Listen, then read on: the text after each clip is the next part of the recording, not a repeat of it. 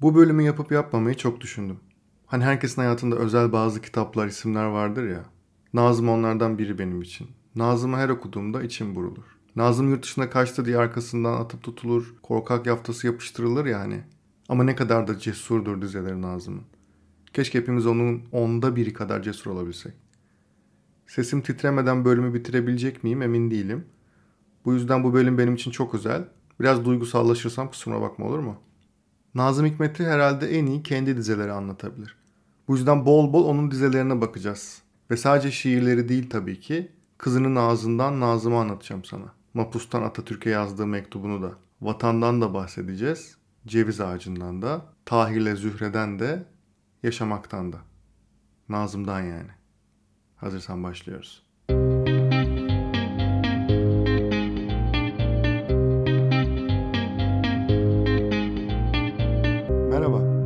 Ben Hakan Şık. Fikrin ne kadar önemli ve aslında ne kadar da önemsiz olduğunu konuşacağımız podcast serisi Bedava Fikre hoş geldin.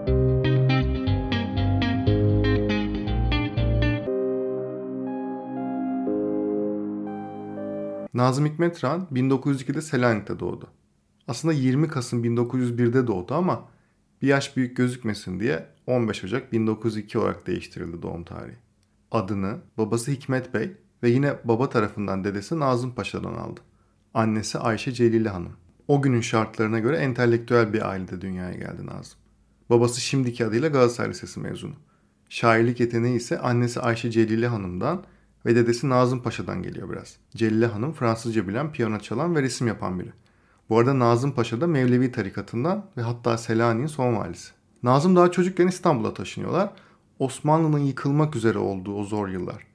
İlk şiirini 12 yaşında yazar ve o zaman bile vatanı hakkında yazdığı bir şiirdir bu. Feryadı Vatan. 3 Temmuz 1913'te yazmış. Bahriye Mektebi'ne yazılıyor tabi tahmin edebileceğin gibi. 17 Mayıs 1921'de aşırıya kaçan halleri olduğu ileri sürülerek ordu ile ilişiği kesiliyor. Bazı kaynaklarda ise o dönemki hastalığı nedeniyle subaylıktan ihraç edildiği yer alıyor. 19 yaşındayken milli mücadeleye katılmak için ailesinden habersiz Anadolu'ya geçer. Ama cepheye gönderilemeyince Bolu'da öğretmenlik yapar bir süre. Sonrasında ise Eylül 1921'de Batum üzerinden Moskova'ya giderek Doğu Emekçileri Komünist Üniversitesi'nde siyasal bilimler ve iktisat okur. Moskova'da devrimin ilk yıllarına tanık olur ve komünizmle tanışır. 1924'te yayınlanan ilk şiir kitabı Moskova'da sahnelenir. Cumhuriyet'in kurulmasından hemen sonra 1924'te Türkiye'ye dönerek Aydınlık dergisinde çalışmaya başlar. Fakat dergide yayınlanan şiir ve yazılarından dolayı 15 yıl hapsi istenince bir yıl sonra tekrar o zamanki adıyla Sovyetler Birliği'ne geri döner. 1928'de ise af kanunundan yararlanarak Türkiye'ye döner. Fakat gelir gelmez tekrar tutuklanır. Nazım Hikmet hayatının büyük bir kısmını ya hapiste ya da sürgünle geçirdi. 1933 ile 37 yılları arasında tutukluydu. 1938'de ordu ve donanmayı isyana teşvik suçundan 28 yıl 4 ay hapis cezasına çarptırıldı. Bunun bir kumpas olduğu biliniyordu ama yıllar sonra kanıtlanabildi. İstanbul, Ankara, Çankırı ve Bursa cezaevlerinde aralıksız 12 yıl kaldı ve 14 Temmuz 1950'deki genel af yasasından yararlanarak serbest bırakıldı. Bu dönemde Nazım şiir okuyor diye tutuklananlarla aynı koğuşta kaldı hatta. Ne kadar ironik değil mi? Ve yasal yükümlülüğü olmamasına karşın askere çağrıldı. Serbest bırakılmasından hemen ardından. 46 yaşındaydı ve kalbinden rahatsızdı. Çiçeği burnunda anne olan aşkı Münevver Hanım'ı ve 2,5 aylık oğlu Mehmet'i ardında bırakıp öldürüleceği endişesiyle 17 Haziran 1951'de İstanbul'dan ayrılarak Romanya üzerinden Moskova'ya kaçmak zorunda kaldı. Moskova'da büyük bir coşkuyla karşılandı bu arada. Ülkesinde yasaklı olan Nazım'ın şiirleri o dönemde onlarca farklı dile çevriliyordu. 25 Temmuz 1951'de Bakanlar Kurulu kararıyla Türkiye Cumhuriyeti vatandaşlığından çıkarıldı ve vatan haini ilan edildi. Nazım'ın vatan hainine birazdan geleceğiz. Türkiye Cumhuriyeti vatandaşlığından çıkarılınca büyük dedesi Mustafa Celalettin Paşa'nın memleketi olan Polonya vatandaşlığına geçerek Borzeçki soyadını aldı ve Moskova'da son aşkı olan Vera ile tanıştı ve evlendiler. Ama oğlu Mehmet'i hep andı. Ona mektuplar yazdı. Hasreti, ne memleket hasreti, Mehmet'inin hasreti ne de Münevver'in hasreti dinmedi. Birçok ülke gezdi.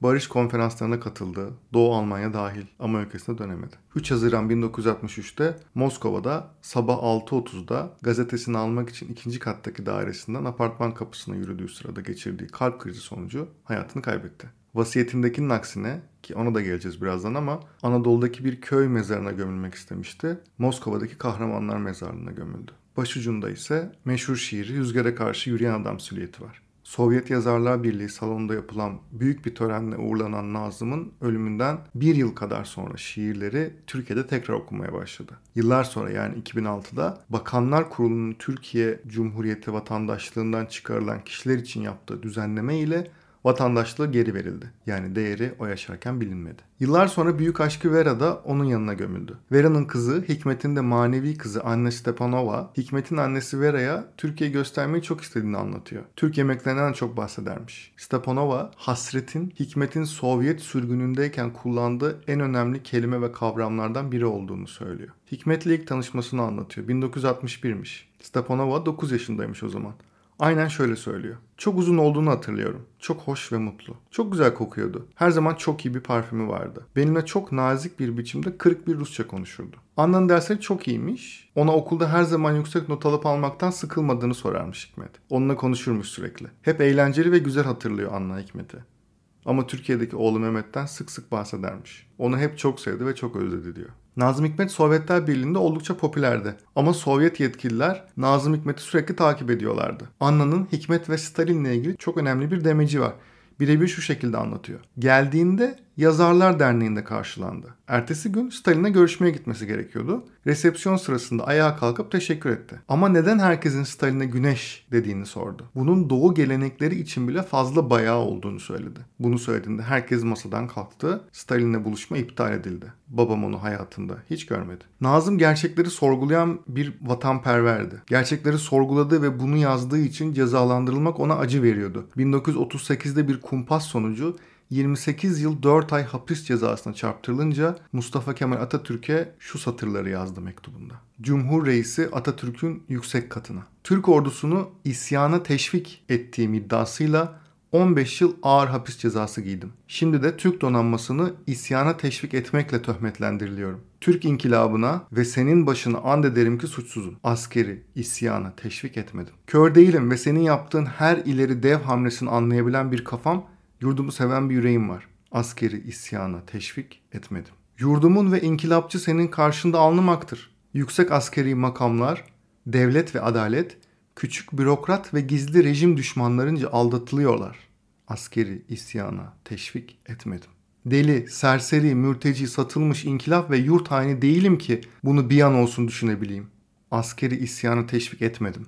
Senin eserin ve sana aziz olan Türk dilinin inanmış bir şairiyim sırtıma yüklenen ve yükletilecek hapis yıllarını taşıyabilecek kadar sabırlı olabilirdim.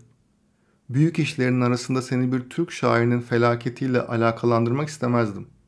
Bağışla beni. Seni bir an kendimle meşgul ettimse alnıma vurulmak istenen bu inkılap askerini isyana teşvik damgasının ancak senin ellerinle silinebileceğine inandığımdandır başvurabileceğim en inkılapçı baş sensin. Kemalizmden ve senden adalet istiyorum. Türk inkılabına ve senin başına and ederim ki suçsuzum. Nazım. Yıl 1938 Nazım bu mektubu Atatürk'e gönderdiğinde ve tahmin edebileceğin gibi Atatürk'ün sağlığının yerinde olmadığı yıllar. Dolayısıyla kaynaklardan anlıyoruz ki bu mektup Atatürk'e hiç ulaşmamış ve 1950'deki genel affa kadar Nazım Hikmet cezaevinde kalmaya devam etmiş. Nazım Hikmet'in bütün önemli şiirlerinin üzerinden geçmek tabii ki bir bölüm için mümkün değil. Bu yüzden bence önemli olan şiirlerini okuyacağım şimdi sana. En başta söylediğim gibi birçoğunu biliyorsun zaten. Belki bazılarının Nazım ait olduğunu bilmeyebilirsin. Bölüme adını veren meşhur şiiri Vatan Haini. Bu şiiri gerçekten bir Ankara gazetesinde onun hakkında çıkan bir haber sonucu çok sinirlenip yazıyor. Ölümünden iki yıl önce. Nazım Hikmet vatan hainine devam ediyor hala. Amerikan emperyalizminin yarı sömürgesiyiz dedi Hikmet. Nazım Hikmet vatan hainliğine devam ediyor hala. Bir Ankara gazetesinde çıktı bunlar üç sütun üstüne kapkara haykıran puntolarla. Bir Ankara gazetesinde fotoğrafı yanında Amiral Williamson'un 66 santimetre karede gülüyor ağzı kulaklarında Amerikan amirali. Amerika bütçemize 120 milyon lira hibe etti. 120 milyon lira. Amerikan emperyalizmin yarı sömürgesiyiz dedi Hikmet. Nazım Hikmet vatan hainine devam ediyor hala. Evet vatan hainiyim, siz vatanperverseniz, siz yurt severseniz ben yurt hainiyim, ben vatan hainiyim. Vatan çiftliklerinizse, kasalarınızın ve çek defterlerinizin içindekilerse vatan, vatan şose boylarında gebermekse açlıktan, vatan soğukta it gibi titremek ve sıtmadan kıvranmaksa yazın, fabrikalarınızda al kanımızı içmekse vatan, vatan tırnaklarıysa ağlarınızın, vatan mızraklı ilmihalse, Vatan polis copuysa, ödeneklerinizse, maaşlarınızsa vatan, vatan Amerikan üstleri, Amerikan bombası, Amerikan donanması topuysa, vatan kurtulamamaksa kokuşmuş karanlığımızdan ben vatan hainiyim. Yazın üç sütun üstüne kapkara haykıran puntolarla. Nazım Hikmet vatan hainliğine devam ediyor. Bir diğer önemli şiiri ben içeri düştüğümden beri. Ben içeri düştüğümden beri güneşin etrafında 10 kere döndü dünya.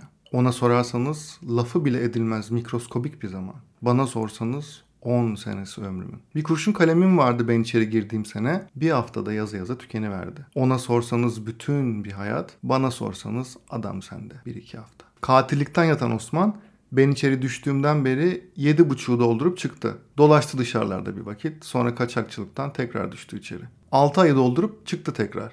Dün mektup geldi. Evlenmiş. Bir çocuğu doğacakmış baharda. Şimdi 10 yaşına bastı. Ben içeri düştüğüm sene. Ana rahmine düşen çocuklar. Ve o yılın titrek, ince, uzun bacaklı tayları rahat geniş sağrılı birer kısrak oldular çoktan. Fakat zeytin fidanları hala fidan. Hala çocuktur. Yeni meydanlar açılmış uzaktaki şehrimde ben içeri düştüğümden beri. Ve bizim hane halkı bilmediğim bir sokakta, görmediğim bir evde oturuyor. Pamuk gibiydi. Bembeyazdı ekmek ben içeri düştüğüm sene. Sonra vesikaya bindi. Bizim burada içeride birbirini vurdu millet yumruk kadar simsiyah bir tayın için. Şimdi serbestledi yine. Fakat esmer ve tatsız. Ben içeri düştüğüm sene ikincisi başlamamıştı henüz. Daşav kampında fırınlar yakılmamış, atom bombası atılmamıştı Hiroşima'ya. Boğazlanan bir çocuğun kanı gibi aktı zaman. Sonra kapandı resmen o fasıl. Şimdi üçüncüden bahsediyor Amerikan doları. Fakat gün ışığı da her şeye rağmen ben içeri düştüğümden beri ve karanlığın kenarından onlar ağır ellerini kaldırımlara basıp doğruldular yarı yarıya. Ben içeri düştüğümden beri güneşin etrafında on kere döndü dünya. Ve aynı ihtirasta tekrar ediyorum yine ben içeri düştüğüm sene onlar için yazdığımı onlar ki toprakta karınca, suda balık, havada kuş kadar çokturlar, korkak, cesur, cahil, hakim ve çocukturlar ve kahreden yaratan ki onlardır, şarkılarımda Yalnız onların maceraları vardır ve gayrısı mesela benim 10 sene yatmam lafı güzel. En çok bilinen eserlerinden biri olan Nik Bilnik ama halk arasında Edip Akbayram'ın şarkısı olarak biliniyor daha çok. Okuyunca anlayacaksın. Güzel günler göreceğiz çocuklar. Güneşli günler göreceğiz. Motorları maviliklere süreceğiz çocuklar. Işıklı maviliklere süreceğiz. Açtık mıydı hele bir son vitesi? Adedi devir. Motorun sesi uy çocuklar kim bilir ne harikuladedir o 160 kilometre giderken öpüşmesi. Hani şimdi bize cumaları, pazarları, çiçekli bahçeler vardır. Yalnız cumaları, yalnız pazarları. Hani şimdi biz bir peri masalı dinler gibi seyrederiz ışıklı caddelerde mağazaları. Hani bunlar 77 katlı yekpare camdan mağazalardır. Hani şimdi biz haykırırız. Cevap açılır kara kaplı kitap zindan. Kayış kapar kolumuzu kırılan kemik kan. Hani şimdi bizim soframıza haftada bir et gelir ve çocuklarımız işten eve sapsarı iskelet gelir. Hani şimdi biz inanın güzel günler göreceğiz çocuklar. Güneşli günler göreceğiz. Motorları maviliklere süreceğiz çocuklar. Işıklı maviliklere süreceğiz. Hazır şarkılardan giderken ceviz ağacını anmadan geçmiyorum değil mi? Cem Karaca'nın yorumuyla dinlediğimiz o meşhur Nazım Hikmet şiiri. Başım köpük köpük bulut, içim dışım deniz. Ben bir ceviz ağacıyım Gülhane Parkı'nda. Budak budak, şerham şerham ihtiyar bir ceviz. Ne sen bunun farkındasın, ne polis farkında. Ben bir ceviz ağacıyım Gülhane Parkı'nda. Yapraklarım suda balık gibi kıvıl kıvıl. Yapraklarım ipek mendil gibi tiril tiril. Koparıver. Gözlerinin, gülüm yaşını sil. Yapraklarım ellerimdir. Tam yüz bin elim var. Yüz bin elle dokunurum sana. İstanbul'a. Yapraklarım gözlerimdir. Şaşarak bakarım. Yüz bin gözle seyrederim seni. İstanbul'u. Yüz bin yürek gibi çarpar, çarpar yapraklarım. Ben bir ceviz ağacıyım Gülhane Parkı'nda. Ne sen bunun farkındasın, ne polis farkında. Bir başkası hasret. Denize dönmek istiyorum. Mavi aynasında suların boy verip görünmek istiyorum. Denize dönmek istiyorum. Gemiler gider aydın ufuklara, gemiler gider. Gergin beyaz yelkenleri doldurmaz keder. Elbet ömrüm gemilerde bir gün olsa nöbete yeter ve madem ki bir gün ölüm mukadder, ben sularda batan bir ışık gibi sularda sönmek istiyorum. Denize dönmek istiyorum. Denize dönmek istiyorum. Bu çok popüler olmayan ama benim sevdiğim şiirlerinden biri. Çocuklarımıza nasihat adı. Hakkındır yaramazlık. Dik duvarlara tırman, yüksek ağaçlara çık. Usta bir kaptan gibi kullansın elin yerde yıldırım gibi giden bisikletini. Ve din dersleri hocasının resmini yapan kurşun kalemine yık mızraklı ilmi halin yeşil sarıklı iskeletini. Sen kendi cennetini kara toprağın üstünde kur. Coğrafya kitabıyla sustur seni hilkati Adem'le aldatanı. Sen sade toprağını tanı, toprağa inan. Ayırt etme özen andan toprak ananı. Toprağı sev, anan kadar. Ve bir başka güzel şiiri. Mavi gözlü dev, minnacık kadın ve hanım elleri. O mavi gözlü bir devdi. Minnacık bir kadın sevdi. Kadının hayali minnacık bir evdi. Bahçesinde ebruli, hanım eli açan bir ev. Bir dev gibi seviyordu dev. Ve elleri öyle büyük işler için hazırlanmıştı ki devin yapamazdı yapısını, çalamazdı kapısını bahçesinde ebruli, hanım eli açan evin. O mavi gözlü bir devdi. Minnacık bir kadın sevdi. Mini minnacıktı kadın. Rahata acıktı kadın. Yoruldu devin büyük yolunda. Ve elveda deyip mavi gözlü deve girdi zengin bir cücenin kolunda. Bahçesinde Ebruli hanım eli açan eve. Şimdi anlıyor ki mavi gözlü dev, dev gibi sevgilere mezar bile olamaz bahçesinde Ebruli hanım eli açan ev. Ve tabii ki Tahir'le Zühre meselesi. Tahir olmak da ayıp değil, Zühre olmak da. Hatta sevda yüzünden ölmek de ayıp değil. Bütün iş Tahir'le Zühre olabilmekte. Yani yürekte. Mesela bir barikatta dövüşerek, mesela Kuzey Kutbu'nu keşfe giderken, mesela denerken damarlarında bir sorumu ölmek ayıp olur mu? Tahir olmak da ayıp değil, Zühre olmak da. Hatta sevda yüzünden ölmek de ayıp değil. Seversin dünyayı dolu dizgin ama o bunun farkında değildir. Ayrılmak istemezsin dünyadan ama o senden ayrılacak. Yani sen elmayı seviyorsun diye elmanın da seni sevmesi şart mı? Yani Tahir'i Zühre sevmeseydi artık yahut hiç sevmeseydi Tahir ne kaybederdi Tahirliğinden? Tahir olmak da ayıp değil, Zühre olmak da. Hatta sevda yüzünden ölmek de ayıp değil. Bursa cezaevinden karısı Münevver Hanım'a yazdığı bir mektup. Bir tane. Son mektubunda başım sızlıyor, yüreğim sersem diyorsun. Seni asarlarsa seni kaybedersem diyorsun. Yaşayamam. Yaşarsın karıcığım. Kara bir duman gibi dağılır hatıram rüzgarda. Yaşarsın. Kalbimin kızıl saçlı bacısı en fazla bir yıl sürer. 20. asırlarda ölüm acısı. Ölüm bir ipte sallanan bir ölü. Bu ölüme bir türlü razı olmuyor gönlüm. Fakat emin ol ki sevgili zavallı bir çilgenenin kıllı siyah bir örümceğe benzeyen eli geçirecekse eğer ipi boğazıma mavi gözlerimde korkuyu görmek için boşuna bakacaklar lazım. Ben alaca karanlığında son sabahımın dostlarımı ve seni göreceğim. Ve yalnız yarı kalmış bir şarkının acısını toprağa götüreceğim. Karım benim, İyi yürekli, altın renkli gözleri baldan tatlı arım benim. Ne diye yazdım sana istendiğin idamımı. Daha dava ilk adımında ve bir şalgam gibi koparmıyorlar kellesini adam. Hadi bunlara boş ver. Bunlar uzak bir ihtimal. Param varsa eğer bana fanila bir dona tuttu bacağımın siyatik ağrısı. Ve unutma ki daima iyi şeyler düşünmeli bir mahpusun karısı. Vasiyetini bile yazdı hatta aynı adlı şiiri olan vasiyette. Yoldaşlar, nasip olmazsa görmek o günü, ölürsem kurtuluştan önce yani, Alıp götürün Anadolu'da bir köy mezarlığına gömün beni. Hasan Bey'in vurduğu ırgat Osman yatsın bir yanımda. Ve çavdarın dibinde toprağa çocuklayıp kırkı çıkmadan ölen şehit Ayşe öbür yanımda. Traktörlerle türküler geçsin alt başından mezarlığın. Seher aydınlığında taze insan, yanık benzin kokusu, tarlalar ortamalı, kanallarda su, ne kuraklık ne jandarma korkusu. Biz bu türküleri elbette işleyecek değiliz. Toprağın altında yatar upuzun, çürük kara dallar gibi ölüler, Toprağın altında sağır, kör, dilsiz. Ama bu türküleri söylemişim ben daha onlar düzülmeden. Duymuşum yanık benzin kokusunu, traktörlerin resmi bile çizilmeden. Benim sessiz komşulara gelince şehit Ayşe ile Irgat Osman çektiler büyük hasreti sağlıklarında belki de farkında bile olmadan. Peki Nazım Hikmet deyip Karlıkayın ormanından bahsetmemek olur mu?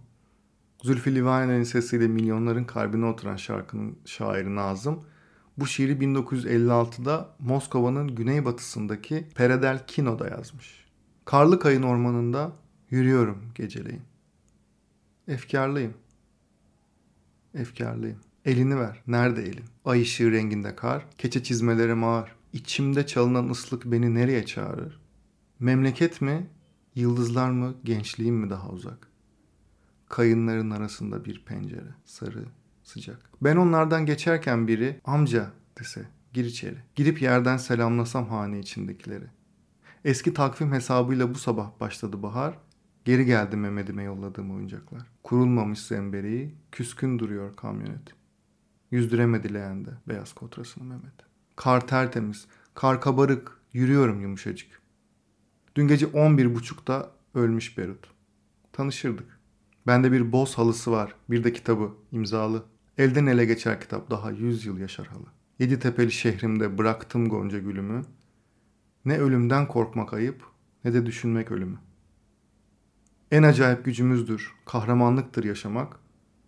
Öleceğimizi bilip öleceğimizi mutlak.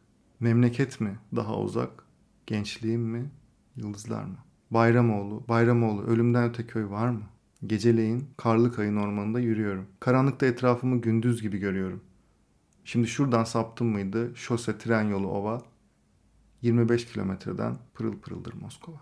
Çok sevdiğim bir başka Nazım şiiri Kız Çocuğu Amerika'nın Hiroşima'ya attığı atom bombası hakkında. Kapıları çalan benim, kapıları birer birer. Gözünüze görünemem, göze görünmez ölüler. Hiroşima'da öleli oluyor bir 10 yıl kadar. 7 yaşında bir kızım. Büyümez ölü çocuklar. Saçlarım tutuştu önce. Gözlerim yandı kavruldu. Bir avuç kül verdim. Külüm havaya savruldu. Benim sizden kendim için hiçbir şey istediğim yok. Şeker bile yiyemez ki kağıt gibi yanan çocuk. Çalıyorum kapınızı. Teyze, amca bir imza ver. Çocuklar öldürülmesin. Şeker de yiyebilsinler. Bölümün sonuna geldik. Daha anlatamadığım o kadar çok Nazım şiiri var ki ama hepsini bir bölüme sığdırmak mümkün değil. Bölümdeki son Nazım şiiri öncesi her bölüm söylediğim şeyi tekrar söylemek istiyorum. Bedava fikir senin için ve senin sayende var. Öğrenmekten ve gelişmekten başka hiçbir çaremiz yok. Hem de bunu birlikte yapmaktan başka bir çaremiz yok. Bu yüzden bu bölümü ve bedava fikri bir yeni arkadaşına daha önerirsen çok sevinirim. İyi ki bu bölümde de benimle birlikteydin. Ne iyi yaptın. Sağ ol, var ol. Umutla bitiriyoruz bölümü.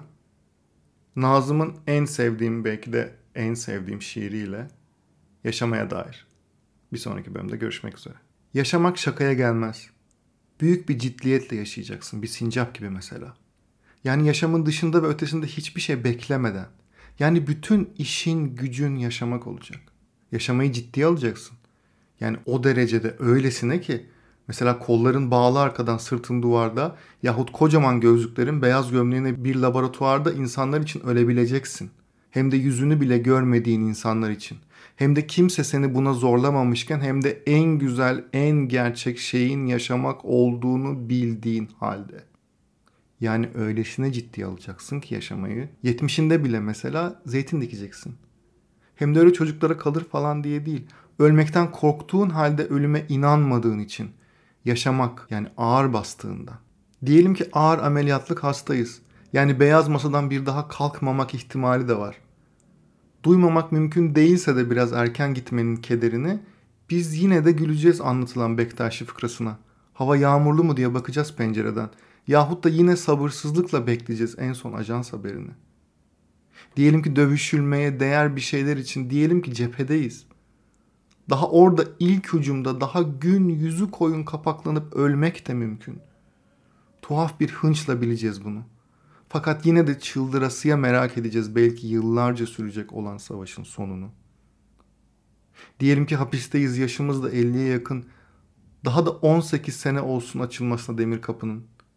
Yine de dışarıyla beraber yaşayacağız insanları, hayvanları, kavgası ve rüzgarıyla yani. Duvarların arkasındaki dışarıyla. Yani nasıl ve nerede olursak olalım hiç ölünmeyecekmiş gibi yaşanacak. Bu dünya soğuyacak. Yıldızların arasında bir yıldız hem de en ufacıklarından. Mavi kadifede bir yaldız zerresi yani. Yani bu koskocaman dünyamız. Bu dünya soğuyacak günün birinde. Hatta bir buz yığını yahut ölü bir bulut gibi de değil. Boş bir ceviz gibi yuvarlanacak zifiri karanlıkta uçsuz bucaksız. Şimdiden çekilecek acısı bunun. Duyulacak mahzunluğu şimdiden. Böylesine sevilecek dünya. Yaşadım diyebilmen için.